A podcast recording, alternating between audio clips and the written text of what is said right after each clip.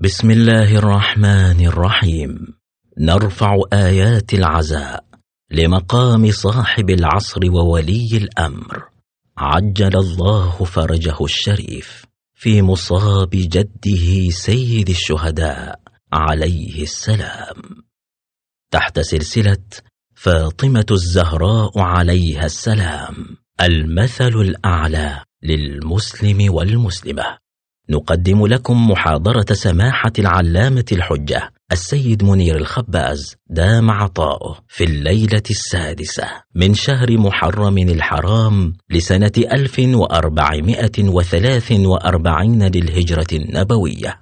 بعنوان الزهراء عليها السلام رمز الإنسان الكامل. وذلك في مسجد الحمزة بن عبد المطلب عليه السلام في سيهات. صلى الله وسلم عليك يا رسول الله وعلى أهل بيتك المنتجبين يا ليتنا كنا معكم فنفوز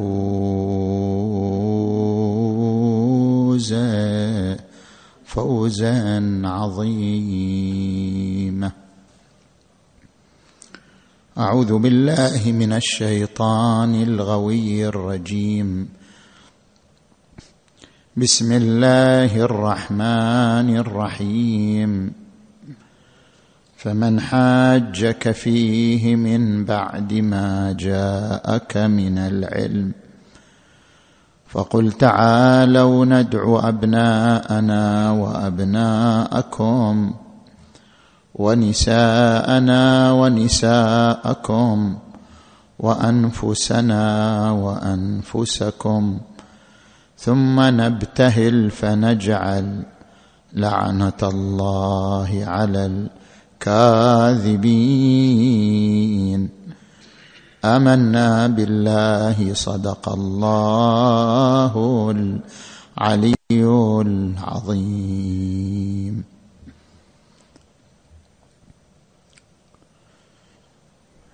في حديثنا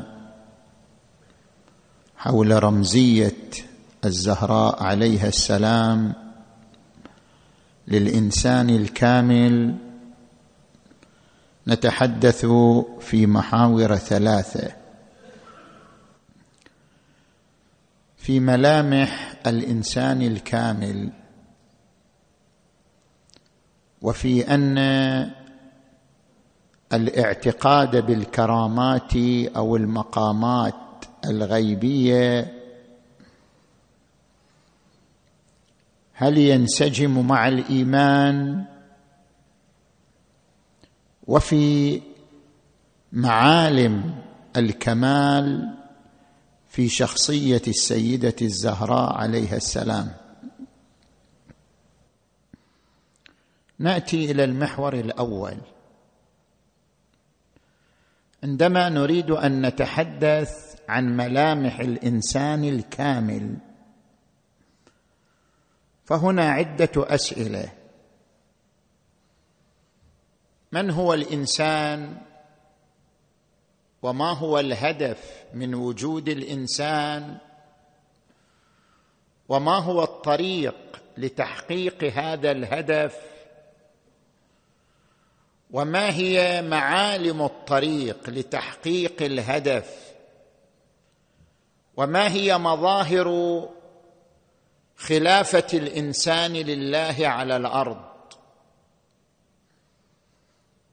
السؤال الأول من هو الإنسان؟ عندما نقرأ قوله تعالى لقد خلقنا الإنسان من سلالة من طين ثم جعلناه نطفة في قرار مكين. ثم خلقنا النطفة علقة فخلقنا العلقة مضغة فخلقنا المضغة عظاما فكسونا العظام لحما ثم أنشأناه خلقا آخر فتبارك الله أحسن الخالقين. نفهم من الآية أن الإنسان هو الخلق الآخر الذي عبر عنه تعالى بقوله ثم أنشأناه خلقا آخر.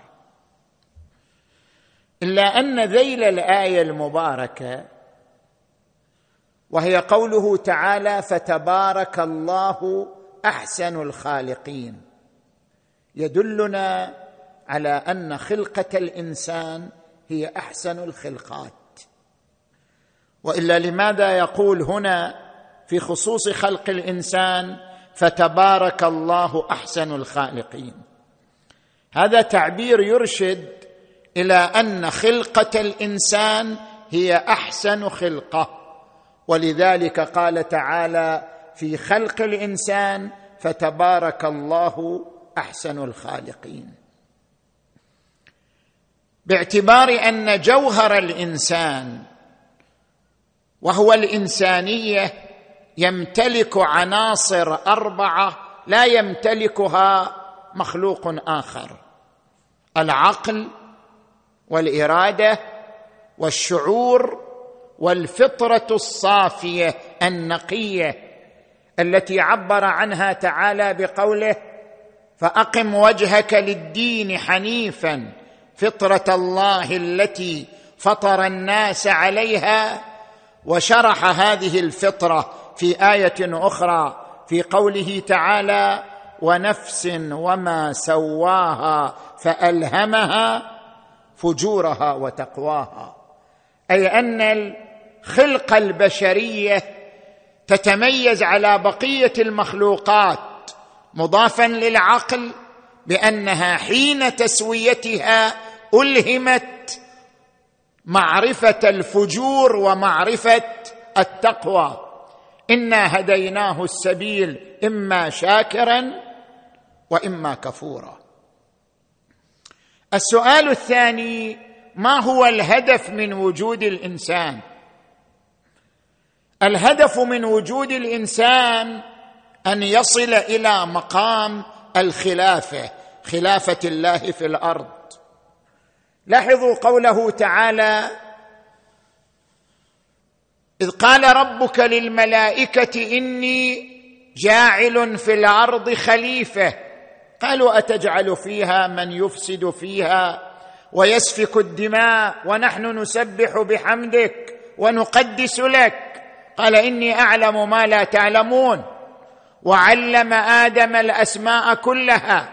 ثم عرضهم على الملائكة. قال أنبئوني بأسماء هؤلاء إن كنتم صادقين. قالوا سبحانك لا علم لنا إلا ما علمتنا إنك أنت العليم الحكيم. قال يا آدم أنبئهم بأسمائهم. آدم صحيح هو كان شخص بس هو كان رمز للإنسان. أي أن الملائكة لم يسجدوا لشخص آدم فقط وإنما سجدوا لوجود الإنسان بما هو إنسان لحقيقة الإنسان بما هو إنسان. القرآن الكريم يقول ولقد خلقناكم ثم صورناكم ثم قلنا للملائكة اسجدوا. أي أن آدم كان يمثل الحقيقة الإنسانية برمتها ولم يكن يمثل شخصه فقط فكان المقام العظيم الذي حظي به هو مقام الإنسانية بكاملها. ولقد خلقناكم ثم صورناكم ثم قلنا للملائكة اسجدوا. اذا الخلافه التي عبر عنها تعالى بقوله إني جاعل في الأرض خليفة يراد بها خلافة الإنسان. الإنسان خلق لكي يمثل مقام الخلافة لله تبارك وتعالى في الأرض. ما معنى الخلافة؟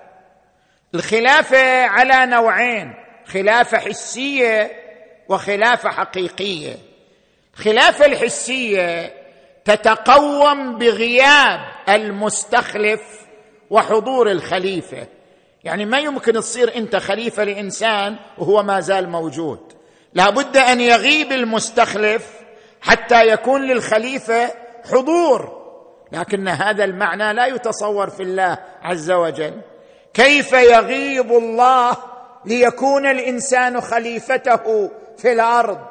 إذا ليس المقصود بالخلافة هنا الخلافة الحسية لأن الله تبارك وتعالى كما يقول القرآن الكريم هو معكم أينما كنتم وقال تبارك وتعالى إنه على كل شيء شهيد.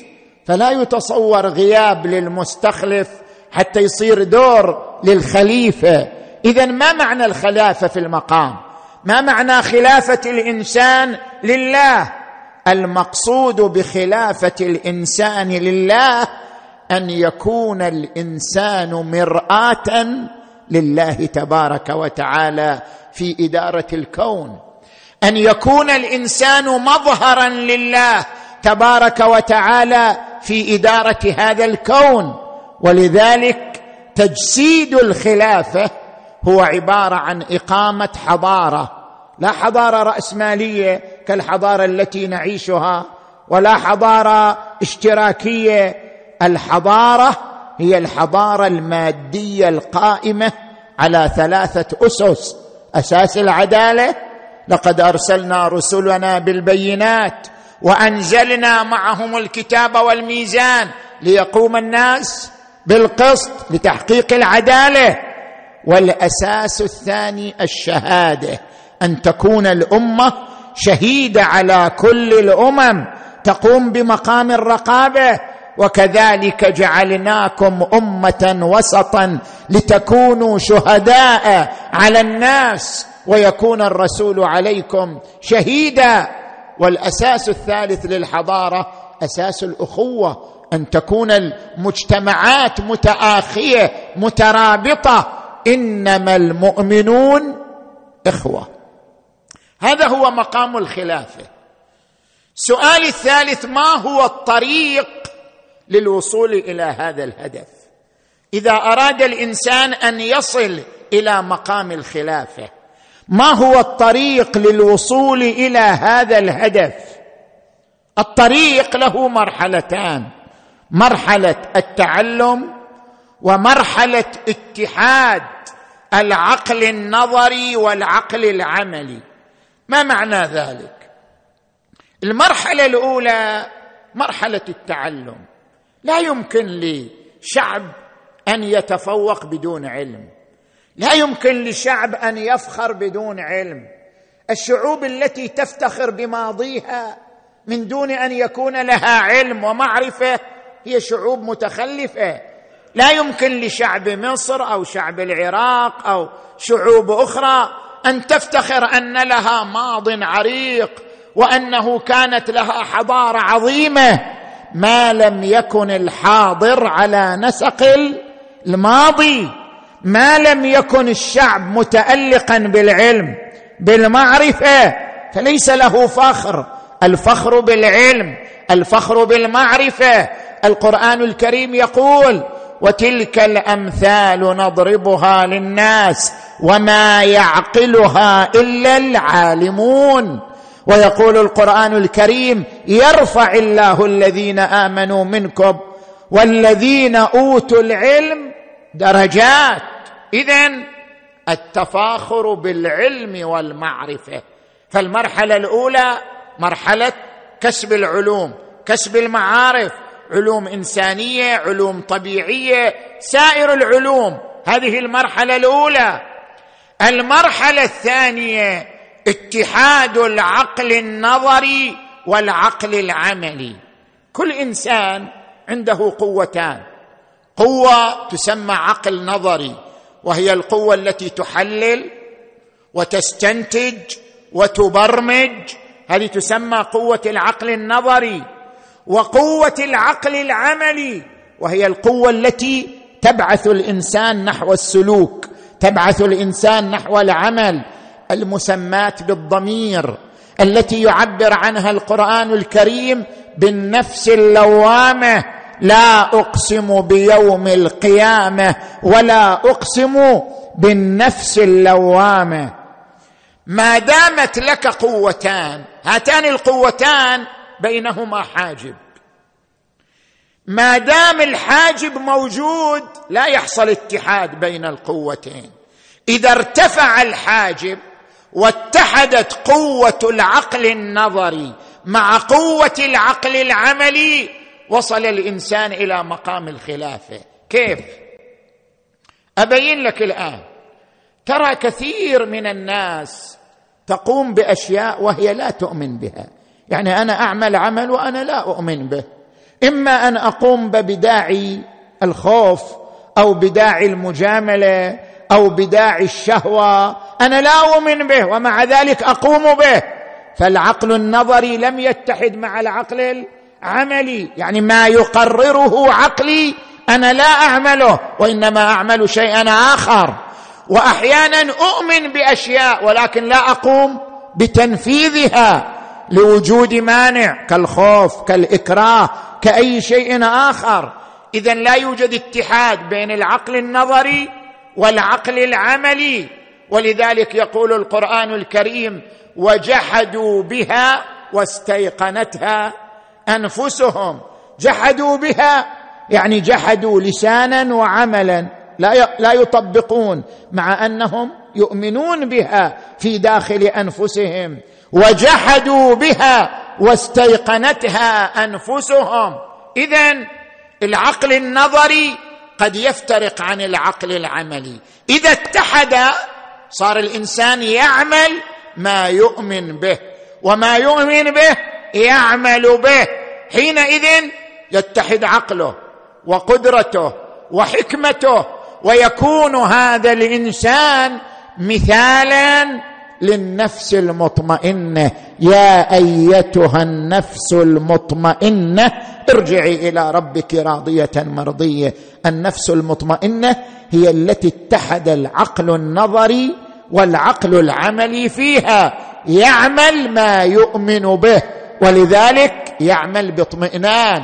وإلا مع وجود الحجاب بين العقلين يدخل تحت قوله تعالى إن الإنسان خلق هلوعا. إذا مسه الشر جزوعا وإذا مسه الخير منوعا. نجي إلى السؤال الرابع. ما هي معالم هذا الطريق؟ عندما أصمم على أن أكون خليفة لله في الأرض عندما أصمم على أن أكون مثالا للإنسان الكامل عندما أريد أن أحقق الاتحاد بين قوة العقل النظري وقوة العقل العملي ما هي معالم هذا الطريق؟ هذا الطريق له ثلاثة معالم. المعلم الأول الفكر والمعلم الثاني الذكر والمعلم الثالث الوجود الرابط بين الفكر والذكر. المعلم الأول الفكر. ما معنى الفكر؟ الفكر يعني القراءة الملكوتية للكون. تجيب إنسان فيزيائي يقرأ الكون يعني يقرأ كيف يحل معادلات ترابط أجزاء الكون وذرات الكون. هذه تسمى قراءة مادية قراءة ملكية. أما القراءة الملكوتية للكون أن تقرأ الكون دليلا على وجود الله عز وجل. أن تقرأ الكون قراءة طريقية قراءة آلية. أن تتخذ الكون مظهرا لقدرة الله ومظهرا لعظمة الله تبارك وتعالى. هذا هو الفكر. يقول القرآن الكريم سنريهم آياتنا في الآفاق وفي أنفسهم حتى يتبين لهم أنه الحق أولم يكف بربك أنه على كل شيء شهيد. ويقول القرآن الكريم ويقول القرآن الكريم وفي الأرض آيات للموقنين وفي أنفسكم أفلا تبصرون؟ ويقول القرآن الكريم الذين يذكرون الله قياما وقعودا. وعلى جنوبهم ويتفكرون في خلق السماوات والأرض. ربنا ما خلقت هذا باطلا. سبحانك فقنا عذاب النار. هذا هو الفكر. أما الذكر المعلم الثاني هو الذكر. الذكر في قوله تعالى ألا بذكر الله تطمئن القلوب. ما معنى الذكر؟ ليس المقصود به الذكر اللساني. المقصود به الذكر القلبي يعني أن تلقن قلبك في كل وقت على وجود الله وحضور الله وقيمومة الله على كل هذا الكون. لا إله إلا هو الحي القيوم. هذا الذكر القلبي هو الذي يوصل قلبك إلى مرحلة الخشوع والخضوع والارتباط بالله تبارك وتعالى والانتقال إلى الله تبارك وتعالى. تجي إلى المرحلة تجي إلى المعلم الثالث وهو المهم. الوجود الرابط بين الفكر والذكر. ما هو الوجود الرابط بين الفكر والذكر؟ نحن نسمع كلمة العلم. نحن نسمع كلمة العقل. ما هو المقصود بالعلم والعقل في مصطلح القرآن؟ العلم في مصطلح القرآن لا يراد به مجرد المعلومات. إنسان عنده مليار معلومة. هذا ما يعني أنه عالم بحسب مصطلح القرآن الكريم. ما هو المقصود بمصطلح العلم في القرآن الكريم؟ العلم في القرآن الكريم هو عبارة عن المادة العلمية التي تتحول إلى مادة روحية. ما لم تتحول المعلومات إلى مادة روحية تستقي منها الروح فهذا ليس بعلم بحسب مصطلح القرآن. خل أقرأ لك الآيات المباركات. مثلا قوله تعالى امن هو قانت اناء الليل ساجدا وقائما يحذر الآخرة ويرجو رحمة ربه. قل هل يستوي الذين يعلمون والذين لا يعلمون؟ إنما يتذكر أولو الألباب. اعتبر القانت عالم. لأن العلم بنظر القرآن هو العلم الذي يقود إلى القنوت إلى الله عز وجل. أمن هو قانت آناء الليل. ساجدا وقائما يحذر الآخرة ويرجو رحمة ربه. قل هل يستوي الذين يعلمون؟ والذين لا يعلمون إنما يتذكر أولو الألباب. علم فيزياء علم كيمياء علم فلك علم طب كل علم إذا تحول إلى مادة روحية تدل الإنسان على درب القنوت لله عز وجل فهو علم حقيقي بمصطلح القرآن الكريم. ولذلك يقول تبارك وتعالى شهد الله أنه لا إله إلا هو والملائكة وأولو العلم. يعني من يمتلكون العلم الذي يربطهم بالله عز وجل وأولو العلم قائما بالقسط ويقول القرآن الكريم إنما يخشى الله من عباده العلماء. قد يكون هو عالم فيزياء مو فقيه ولا عالم دين لكن اتخذ الفيزياء طريقا للوصول إلى الله تبارك وتعالى. يدخل تحت الآية المباركة إنما يخشى الله من عباده العلماء. اذا العلم ما كان مادة معرفية تتحول إلى مادة روحية. هذا بالنسبة إلى العلم. تجي إلى المصطلح الثاني مصطلح العقل. ما هو العقل؟ هل المقصود بالعقل الذكاء أو الفطنة أو النبوغ؟ لا. قد يكون عنده ذكاء وعبقري بس لا يجديه شيئا لا عقله ولا نبوغه. المقصود بالعقل توظيف المعلومات للوصول إلى الله. استثمار المعلومات للوصول إلى الله. تبارك وتعالى. لاحظوا القرآن الكريم كيف يستخدم العقل.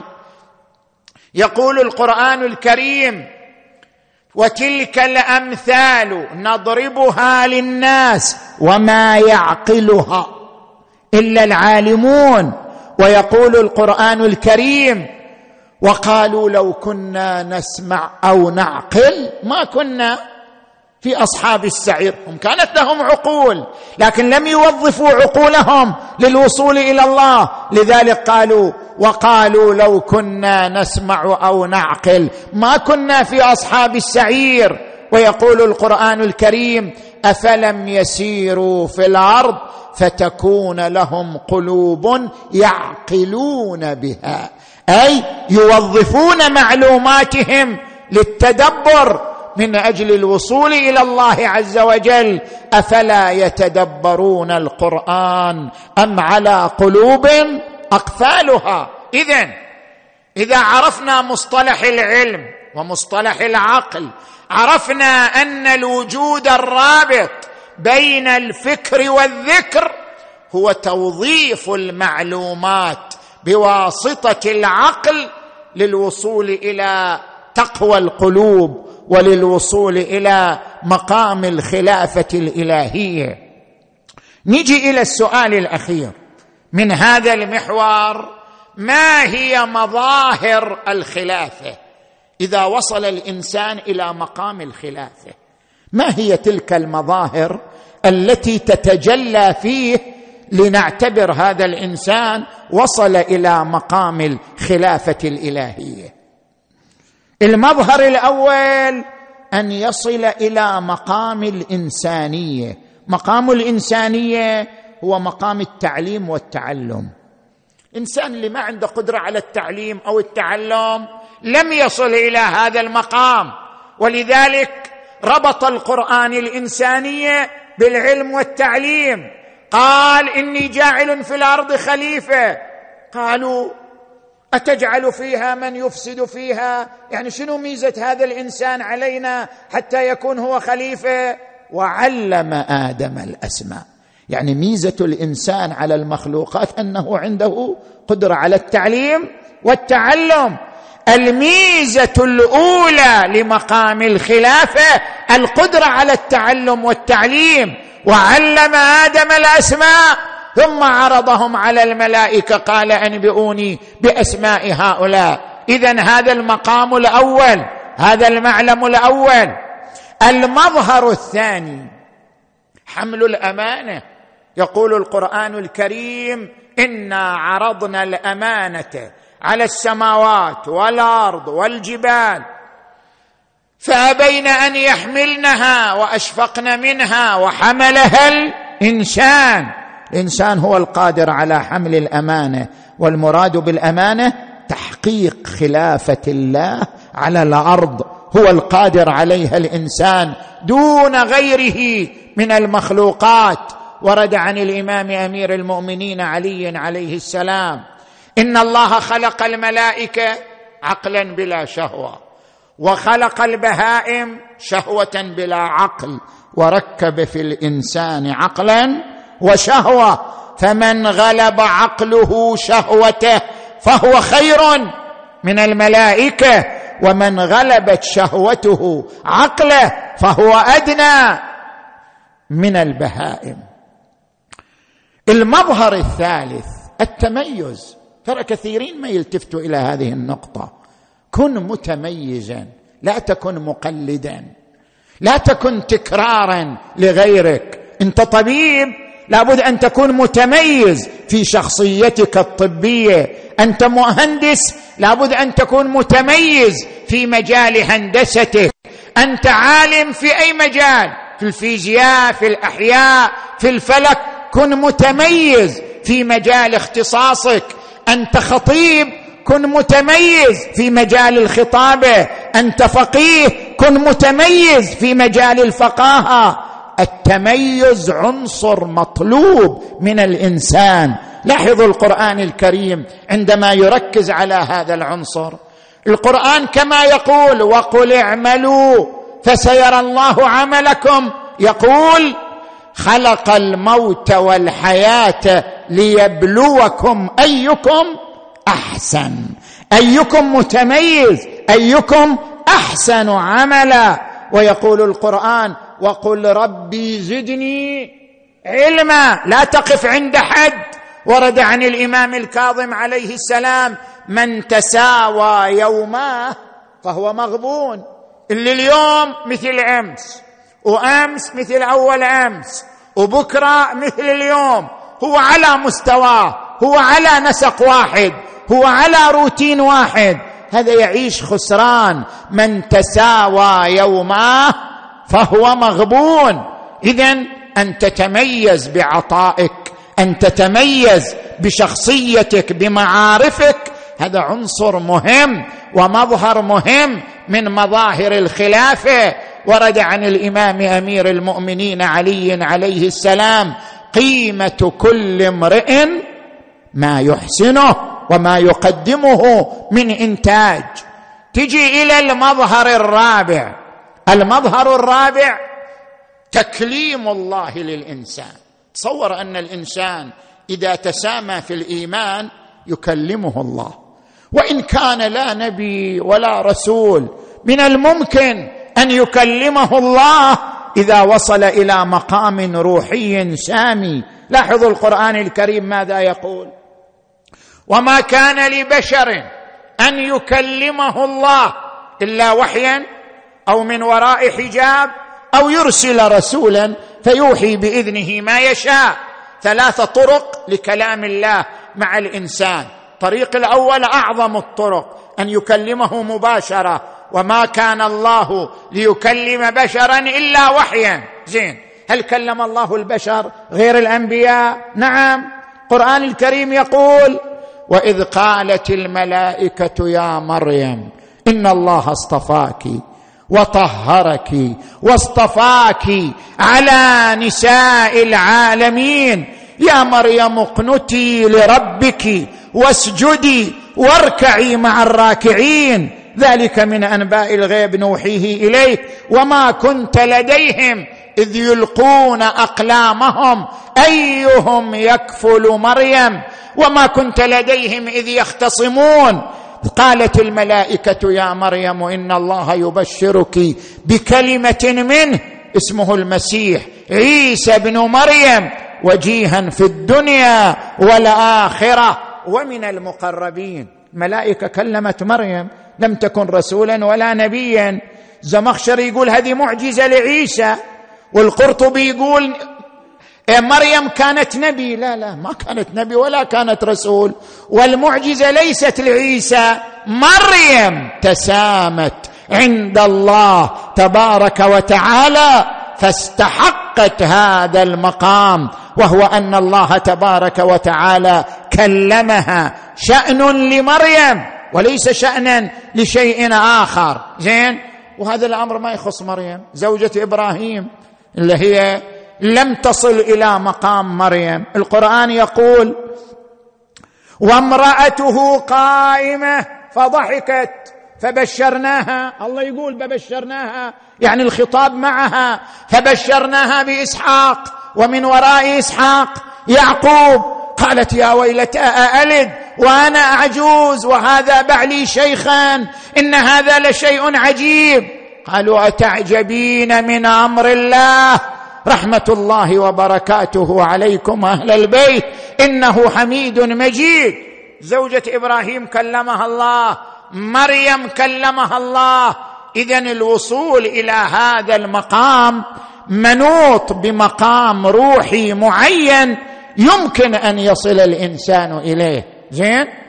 المظهر الأخير من مظاهر الخلافة أن يكون الإنسان مظهرا للأسماء الحسنى لله. هناك قسم من البشر ضائعون.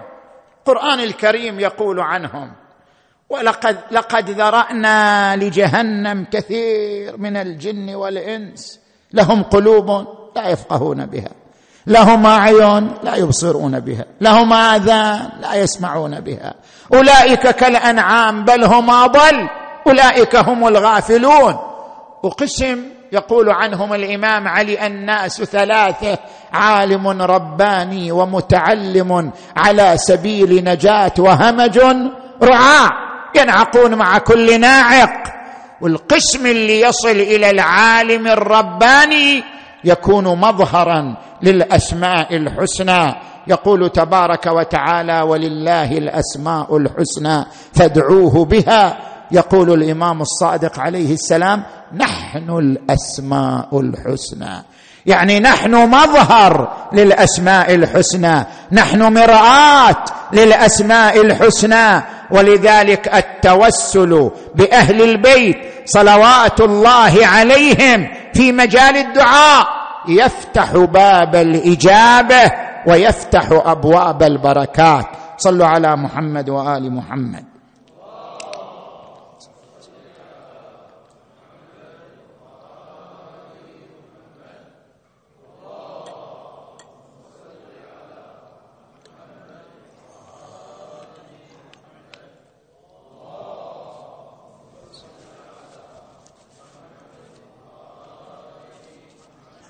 المحور الثاني هل أن الاعتقاد بالكرامات والمقامات الغيبية اعتقاد بالخرافة أم أن له منشا ومبررا؟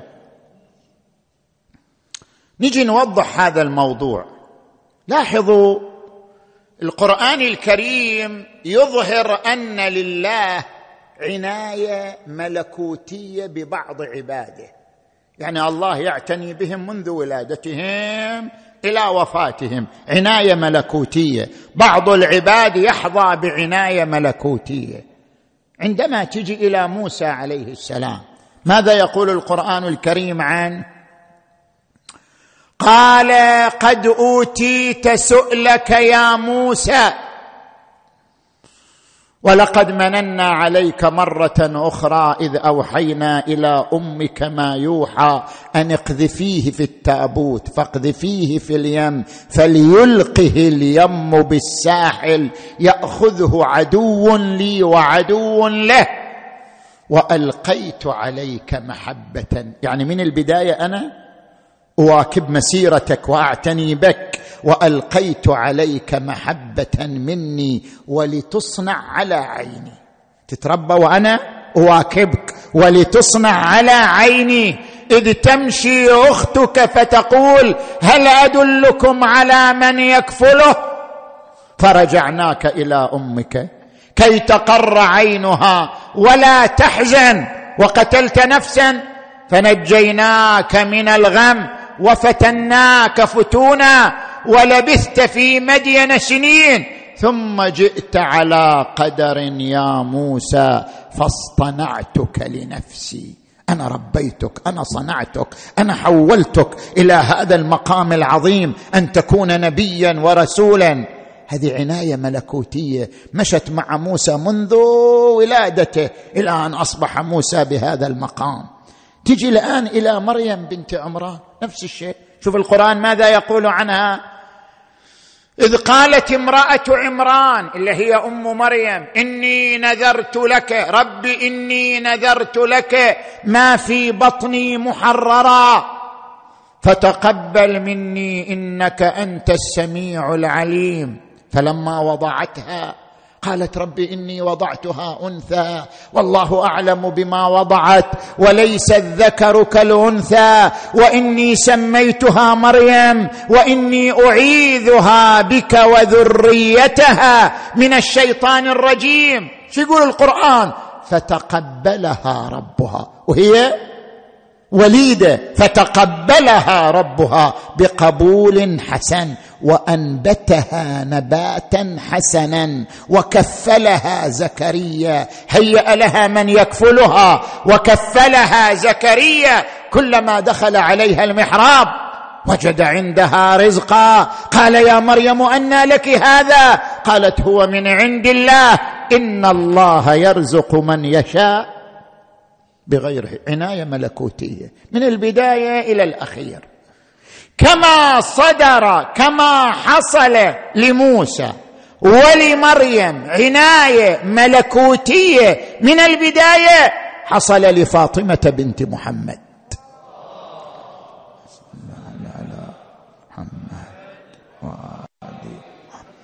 ولدت من ثمار الجنة وحملتها أمها وكانت تحدث أمها وهي جنين في بطنها. ورد في رواية المفضل ابن عمر وورد في رواية غيره إنما سميت محدثة لأنها كانت تحدث أمها وهي في بطنها.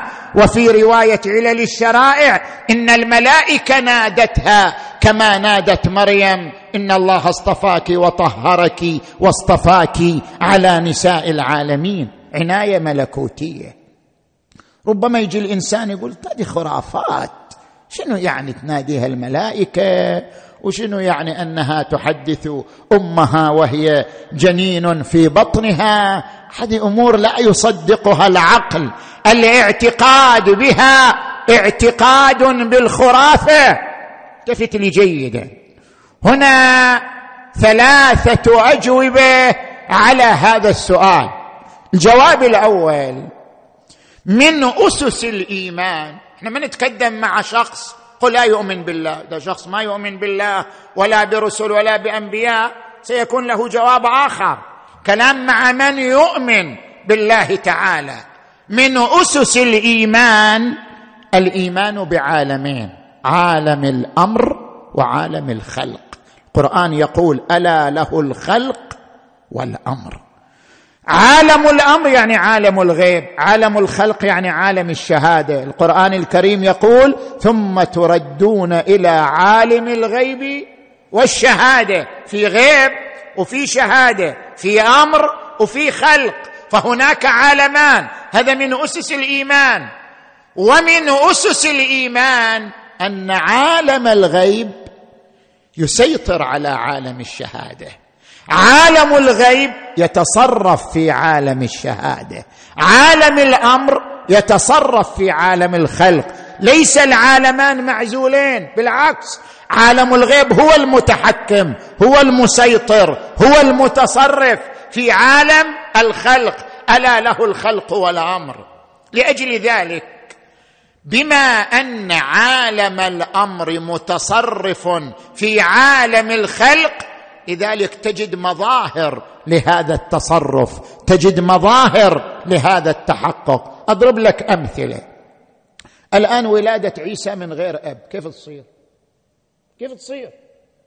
إذا جئنا لعالم الخلق لا تحصل بذاتها. لابد من تدخل من عالم الغيب في عالم الشهادة حتى يمكن تحقيق هذه الولادة. إن مثل عيسى عند الله كمثل آدم خلقه من تراب ثم قال له كن فيكون. كيف ولد عيسى من غير آب؟ هذه حقيقة دينية لا تقبل الشك. هذه لا يمكن أن تحصل إلا بتدخل من عالم الأمر في عالم الخلق. الآن نفس الإنسان خل عيسى كل إنسان كل إنسان كيف يصير؟ مادة منوية عمياء صماء بعد 12 أسبوع حسب آه، المنطق العلمي بعد 12 أسبوع تتحول هذه المادة المنوية العمياء الصماء تتحول إلى عقل وشعور وإرادة. كيف؟ كيف؟ إذا بتمشي على مقاييس عالم الخلق ما يصير. المادة المنوية الصماء تتحول إلى عقل وشعور وإرادة بحسب مقاييس عالم الخلق ما يمكن. اذا هناك تدخل من عالم الأمر في عالم الخلق من عالم الغيب في عالم الشهادة. لذلك تحولت المادة المنوية الصماء العمياء إلى إنسان يعني إلى عقل وإرادة وشعور وطاقة. هذه ظواهر لتدخل عالم الأمر في عالم الخلق. زين؟ هذا الجواب الأول. الجواب الثاني. ربما يقول إنسان طيب هذه أمور قبلناها لكن كيف تتحقق الكرامة؟ كرامة نفس الشيء. كما أن تدخل عالم الأمر في عالم الخلق أولد عيسى من غير أب وأولد من المادة المنوية الصماء إنسانا كذلك نفس المناط ونفس الملاك كلما دخل عليها زكريا المحراب وجد عندها رزقا. هذا أهون. يعني ولادة إنسان من غير أب أعظم من وجود طعام في المحراب. هذا أهون من. كلما دخل عليها زكريا المحراب وجد عندها رزقا قال يا مريم أنى لك هذا؟ قالت هو من عند الله. إن الله يرزق من يشاء بغير حساب. يجيك إنسان يقول لك هذه القصص المذكورة في القرآن هذه مجارات. يعني شنو مجارات؟ يعني القرآن ذكرها مجارات لثقافة زمانه. كان الناس في زمان نزول القرآن يتناقلون هذه القصص ورثوها من العهدين التوراة والإنجيل فالقرآن جاراهم وتحدث على مستوى ثقافتهم ليحتج بها عليهم وإلا القرآن ما يؤمن بهذه القصص. قصص موسى وقصص عيسى وقصص مريم. القران ما يؤمن بها. وإنما ذكرها مجارات لثقافة زمانه. طيب هذا اولا تفكيك في ظواهر القرآن بلا مبرر. يعني القرآن إذا يخبر عن أشياء أخرى نقبل خبره. بس إذا يقبل بس إذا يخبر عن الأنبياء السابقين نقول لا هذه مجارات لثقافة زمانه. القرآن عندما يقول ولقد نصركم الله ببدر وأنتم أذلة نقول هذا خبر واقعي. القران يقول إنا فتحنا لك فتحا مبينا نقول هذا خبر واقعي. القران يقول مثلا إذا جاء نصر الله والفتح ورأيت الناس يدخلون في دين الله افواجا هذا خبر واقعي. أما عندما يتكلم عن مريم كلما دخل عليها زكريا المحراب وجد عندها رزقا قل لا هذا مو خبر واقعي هذا مجارات لثقافة قومه. هذا تفكيك في حجية ظواهر القرآن بلا مبرر منطقي بلا مبرر علمي. هذا اولا. يا تقبل كل إخبارات القرآن يا ترفض كل إخبارات القرآن. أما أنك تنوع الإخبارات بحسب مذاقك وبحسب ما يفرضه عقلك الضيق في التأمل في هذه الأمور هذا هذا بلا مبرر منطقي. هذا اولا. ثانيا افترض هذا كله مجارات لثقافة زمانه. زين شو تقول في الآية؟ سبحان الذي أسرى بعبده لي بعد هذا مو ثقافة قومه. هذا يتكلم عن واقعة حدثت للنبي. سبحان الذي أسرى بعبده ليلا من المسجد الحرام إلى المسجد الأقصى في ليلة واحدة ذهب ورجع. كيف صارت؟ إذا كان هذه الخوارق للعادة لا يصدقها العقل. كيف حصل؟ أن الله أسرى بعبده ليلا من المسجد الحرام إلى المسجد الأقصى الذي باركنا حوله لنريه من آياتنا. كيف حصل هذا الأمر؟ جي يقول لك هذا مو ما كان في مسجد أقصى. في زمان النبي محمد أصلا ما كان في مسجد أقصى. ما كان. كان ما في إلا المسجد الحرام مسجد الأقصى. وين؟ بيت المقدس أو المسجد الصخرة هذا اللي يسموه الآن مسجد الصخرة. ما كان مسجد. هذا في زمن عبد الملك بن مروان. عبد الملك بن مروان لما اختلف مع عبد الله بن الزبير قام وبنى مسجدا على إيليا بيت المقدس يعني على الصخرة وصار مسجد وسموه المسجد الأقصى. وإلا في زمن النبي ما كان إلى وجود ما صار له وجود إلا سنة خمسة سنة خمسة وستين للهجرة. التفت للمغالطة. المسجد الأقصى مو مقصود بأنه يسمى مسجد. المسجد يعني مكان السجود والعبادة مو اسمه مسجد. حتى تقول هذا ما كان مسجد. المسجد الأقصى هو بيت المقدس مو مسجد الصخرة. هذا مسجد الصخرة ليس هو المسجد الأقصى. هذا مسجد الصخرة استحدث في زمان عبد الملك بن مروان. المقصود بالمسجد الأقصى في الآية على بعض الروايات هو بيت المقدس. بيت المقدس غير مسجد الصخرة. وبيت المقدس كان معبد يتعبد فيه الأنبياء والرسل. القرآن نفسه يقول عن مريم تونا قرينا كلما دخل عليها زكريا محراب. يعني كان في محراب وكانت مريم تتعبد فيه ويقول القرآن يا مريم اقنتي لربك واسجدي واركعي. يعني كان في مكان عبادة ومحراب وركوع وسجود. فبيت المقدس هو المسمى بالمسجد الأقصى يعني مكان السجود. مو انه جامع وفي منارة واسم مسجد لا. المقصود بالمسجد الأقصى ما كان مكانا للعبادة في زمن النبي محمد صلى الله عليه وآله.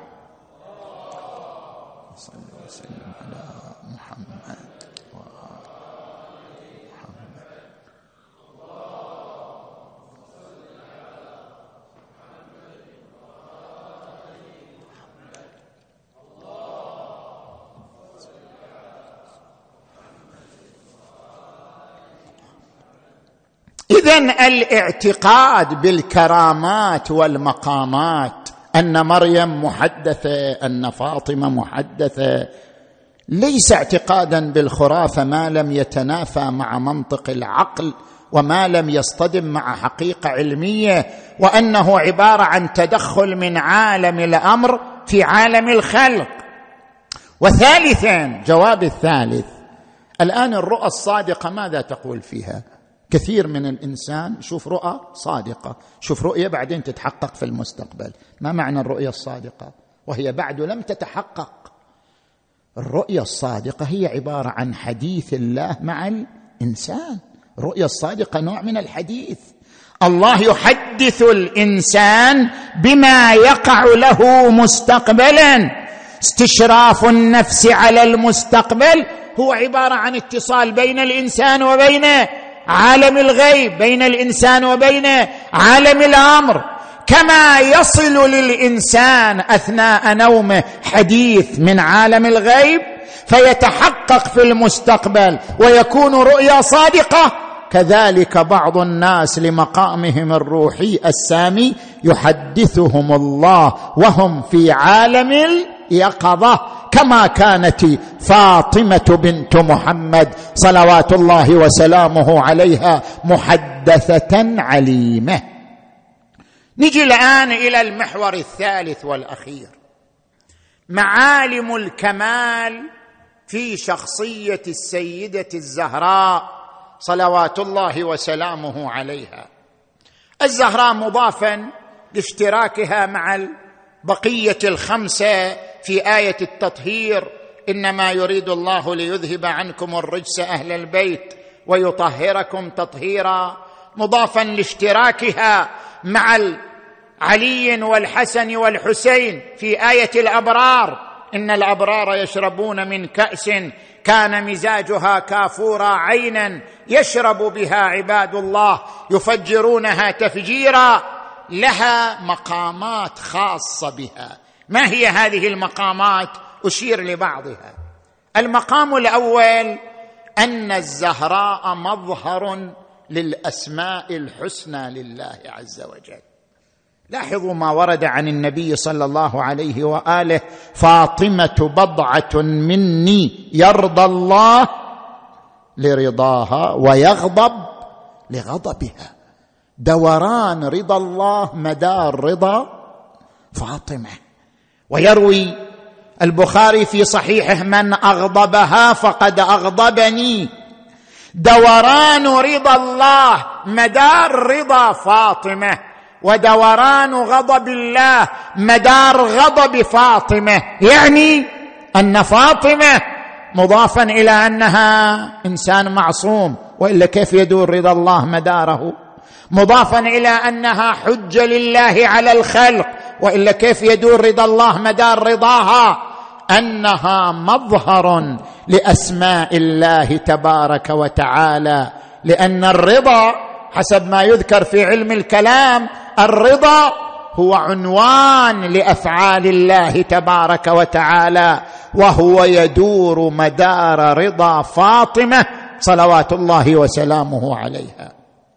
المقام الثاني أن فاطمة وعاء أم الكتاب. كيف يعني وعاء أم الكتاب؟ القرآن الكريم له وجودان وجود مادي وهو الوجود اللفظي والكتبي ووجود ملكوتي. كان للقرآن وجود قبل نزوله على النبي صلى الله عليه وآله. يقول القرآن الكريم عن نفسه وإنه في أم الكتاب لدينا لعلي حكيم. يعني كان للقرآن وجود في أم الكتاب. ويقول إنه لقرآن كريم في لوح محفوظ. كان للقرآن وجود قبل أن ينزل إلى هذا العالم. زين. من وصل إلى القرآن وهو في ذلك العالم. من وصل إلى القرآن وهو في أم الكتاب. من وصل إلى القرآن وهو في اللوح المحفوظ فقد اكتشف تأويل القرآن الكريم. كيف يكتشف تأويل القرآن؟ أنت الآن عندما تقرأ قوله تعالى ونزلنا عليك الكتاب تبيانا لكل شيء وهدى ورحمة وبشرى للمسلمين. قرآن تبيان لكل شيء. ما ما نجد القرآن تبيان لكل شيء. نحن نقرأ القرآن ولا نراه تبيانا لكل شيء. ليس تبيانا لكل شيء بالصراحة وإنما هو تبيان لكل شيء على نحو الشفرات والرموز. ولا يعرف هذه الشفرات والرموز إلا من وصل إلى تأويل القرآن. ومن وصل إلى تأويل القرآن هو من وصل إلى القرآن وهو في أم الكتاب. والذي يصل إلى القرآن وهو في أم الكتاب هم المطهرون. يقول القرآن الكريم إنه لقرآن كريم في كتاب يعني في أم الكتاب في كتاب مكنون. لا يمسه إلا المطهرون. يعني لا ينال القرآن وهو في أم الكتاب إلا المطهرون. من هم المطهرون؟ إنما يريد الله ليذهب عنكم الرجس أهل البيت ويطهركم تطهيرا. المطهرون وصلوا إلى القرآن وهو في أم الكتاب فعرفوا تأويله وما يعلم تأويله إلا الله والراسخون في العلم والزهراء منهم. لذلك من الروايات الصحيحة الكثيرة أن لدى الأئمة مصحف فاطمة. ما هو مصحف فاطمة؟ يقول الإمام الصادق في معتبرة أبي بصير وخلفت مصحفا. ما هو بقرآن؟ وإنما هو تأويل للقرآن. يعني وصلت إلى علم التأويل. صلوات الله وسلامه عليها. وفيه خبر ما كان وما يكون وما هو كائن إلى يوم القيامة. هذا المقام الثاني. المقام الثالث مقام السيادة. كيف مقام السيادة؟ القران الكريم قال عن مريم يا مريم إن الله اصطفاك وطهرك واصطفاك على نساء العالمين. هل هذا يعني أن مريم أفضل نساء العالمين من الأولين والآخرين؟ لا. يقولون هذه الآية تدل على العموم الأفرادي لا على العموم الأزماني. يعني أن مريم أفضل نساء العالمين في زمانها لا في جميع الأزمنة. وذلك بقرينة قوله تعالى يا بني إسرائيل اذكروا نعمتي التي أنعمت عليكم وأني فضلتكم على العالمين. مع أن بني إسرائيل ليسوا أفضل العالمين. أمة النبي أفضل منهم. لقوله تعالى كنتم خير أمة أخرجت للناس. اذا هم كانوا أفضل العالمين في زمانهم لا في جميع الازمنه لذلك المفضل ابن عمر سأل الإمام الصادق عليه السلام ما تقول في قول النبي فاطمة سيدة نساء العالمين أهي سيدة نساء عالمها؟ قال لا تلك مريم سيدة نساء عالمها وأما فاطمة فهي سيدة نساء العالمين من الأولين والآخرين.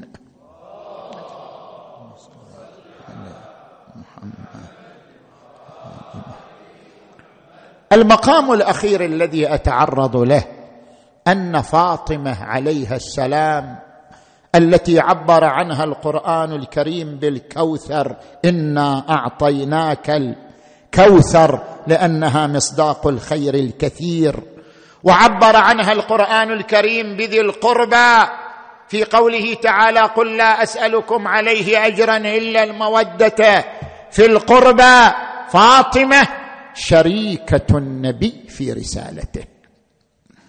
عندما يقول الرسول صلى الله عليه وآله فاطمة أم أبيها ليش هذا التعبير بالذات؟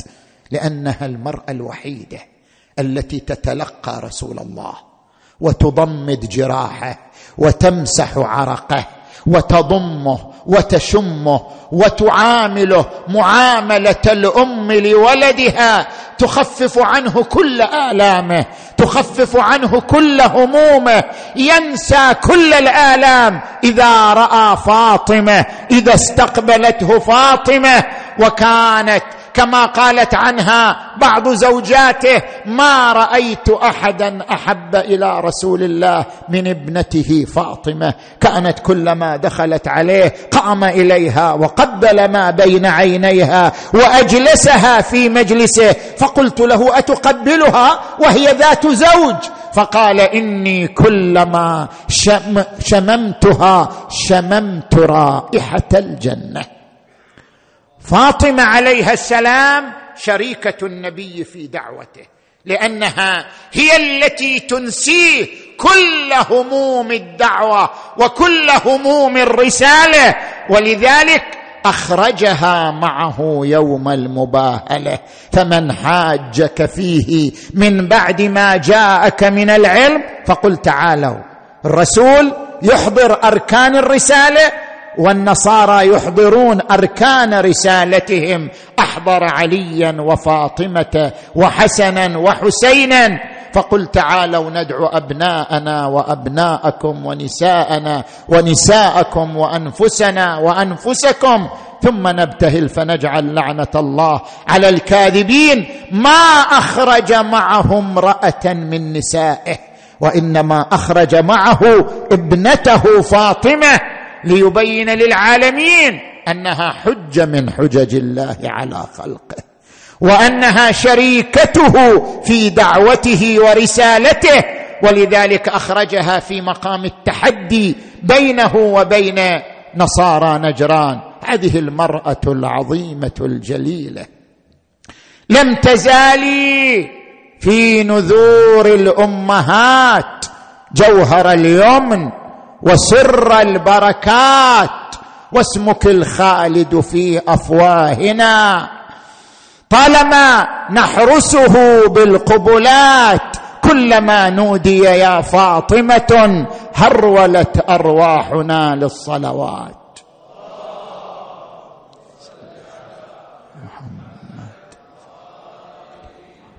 يا فتاة الوحي يا أم الهدى يا هدى الأم. ويا وحي الفتاة حدثينا عن لياليك بها ودعي. ودعينا عن أحاديث الرواة. أترى كنت تديرين الرحى أم بيمناك؟ تديرين الحياة. هل غزلت الصوف في مغزله أم غزلت الحب بين الكائنات؟ الزهراء كان لها مقام عظيم في نفوس أصحاب رسول الله وفي نفوس أهل البيت صلوات الله عليهم.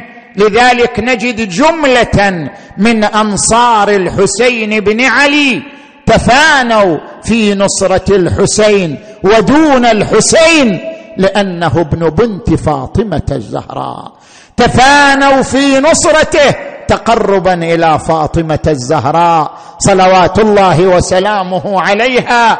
ومن هؤلاء الأنصار حبيب بن مظاهر الأسدي الذي كان متفانيا في حب فاطمة الزهراء عليها السلام إذ قالت له زوجته أم القاسم يوما من الأيام حبيب لقد رأيت رؤيا في المنام ماذا رأيت يا أم القاسم؟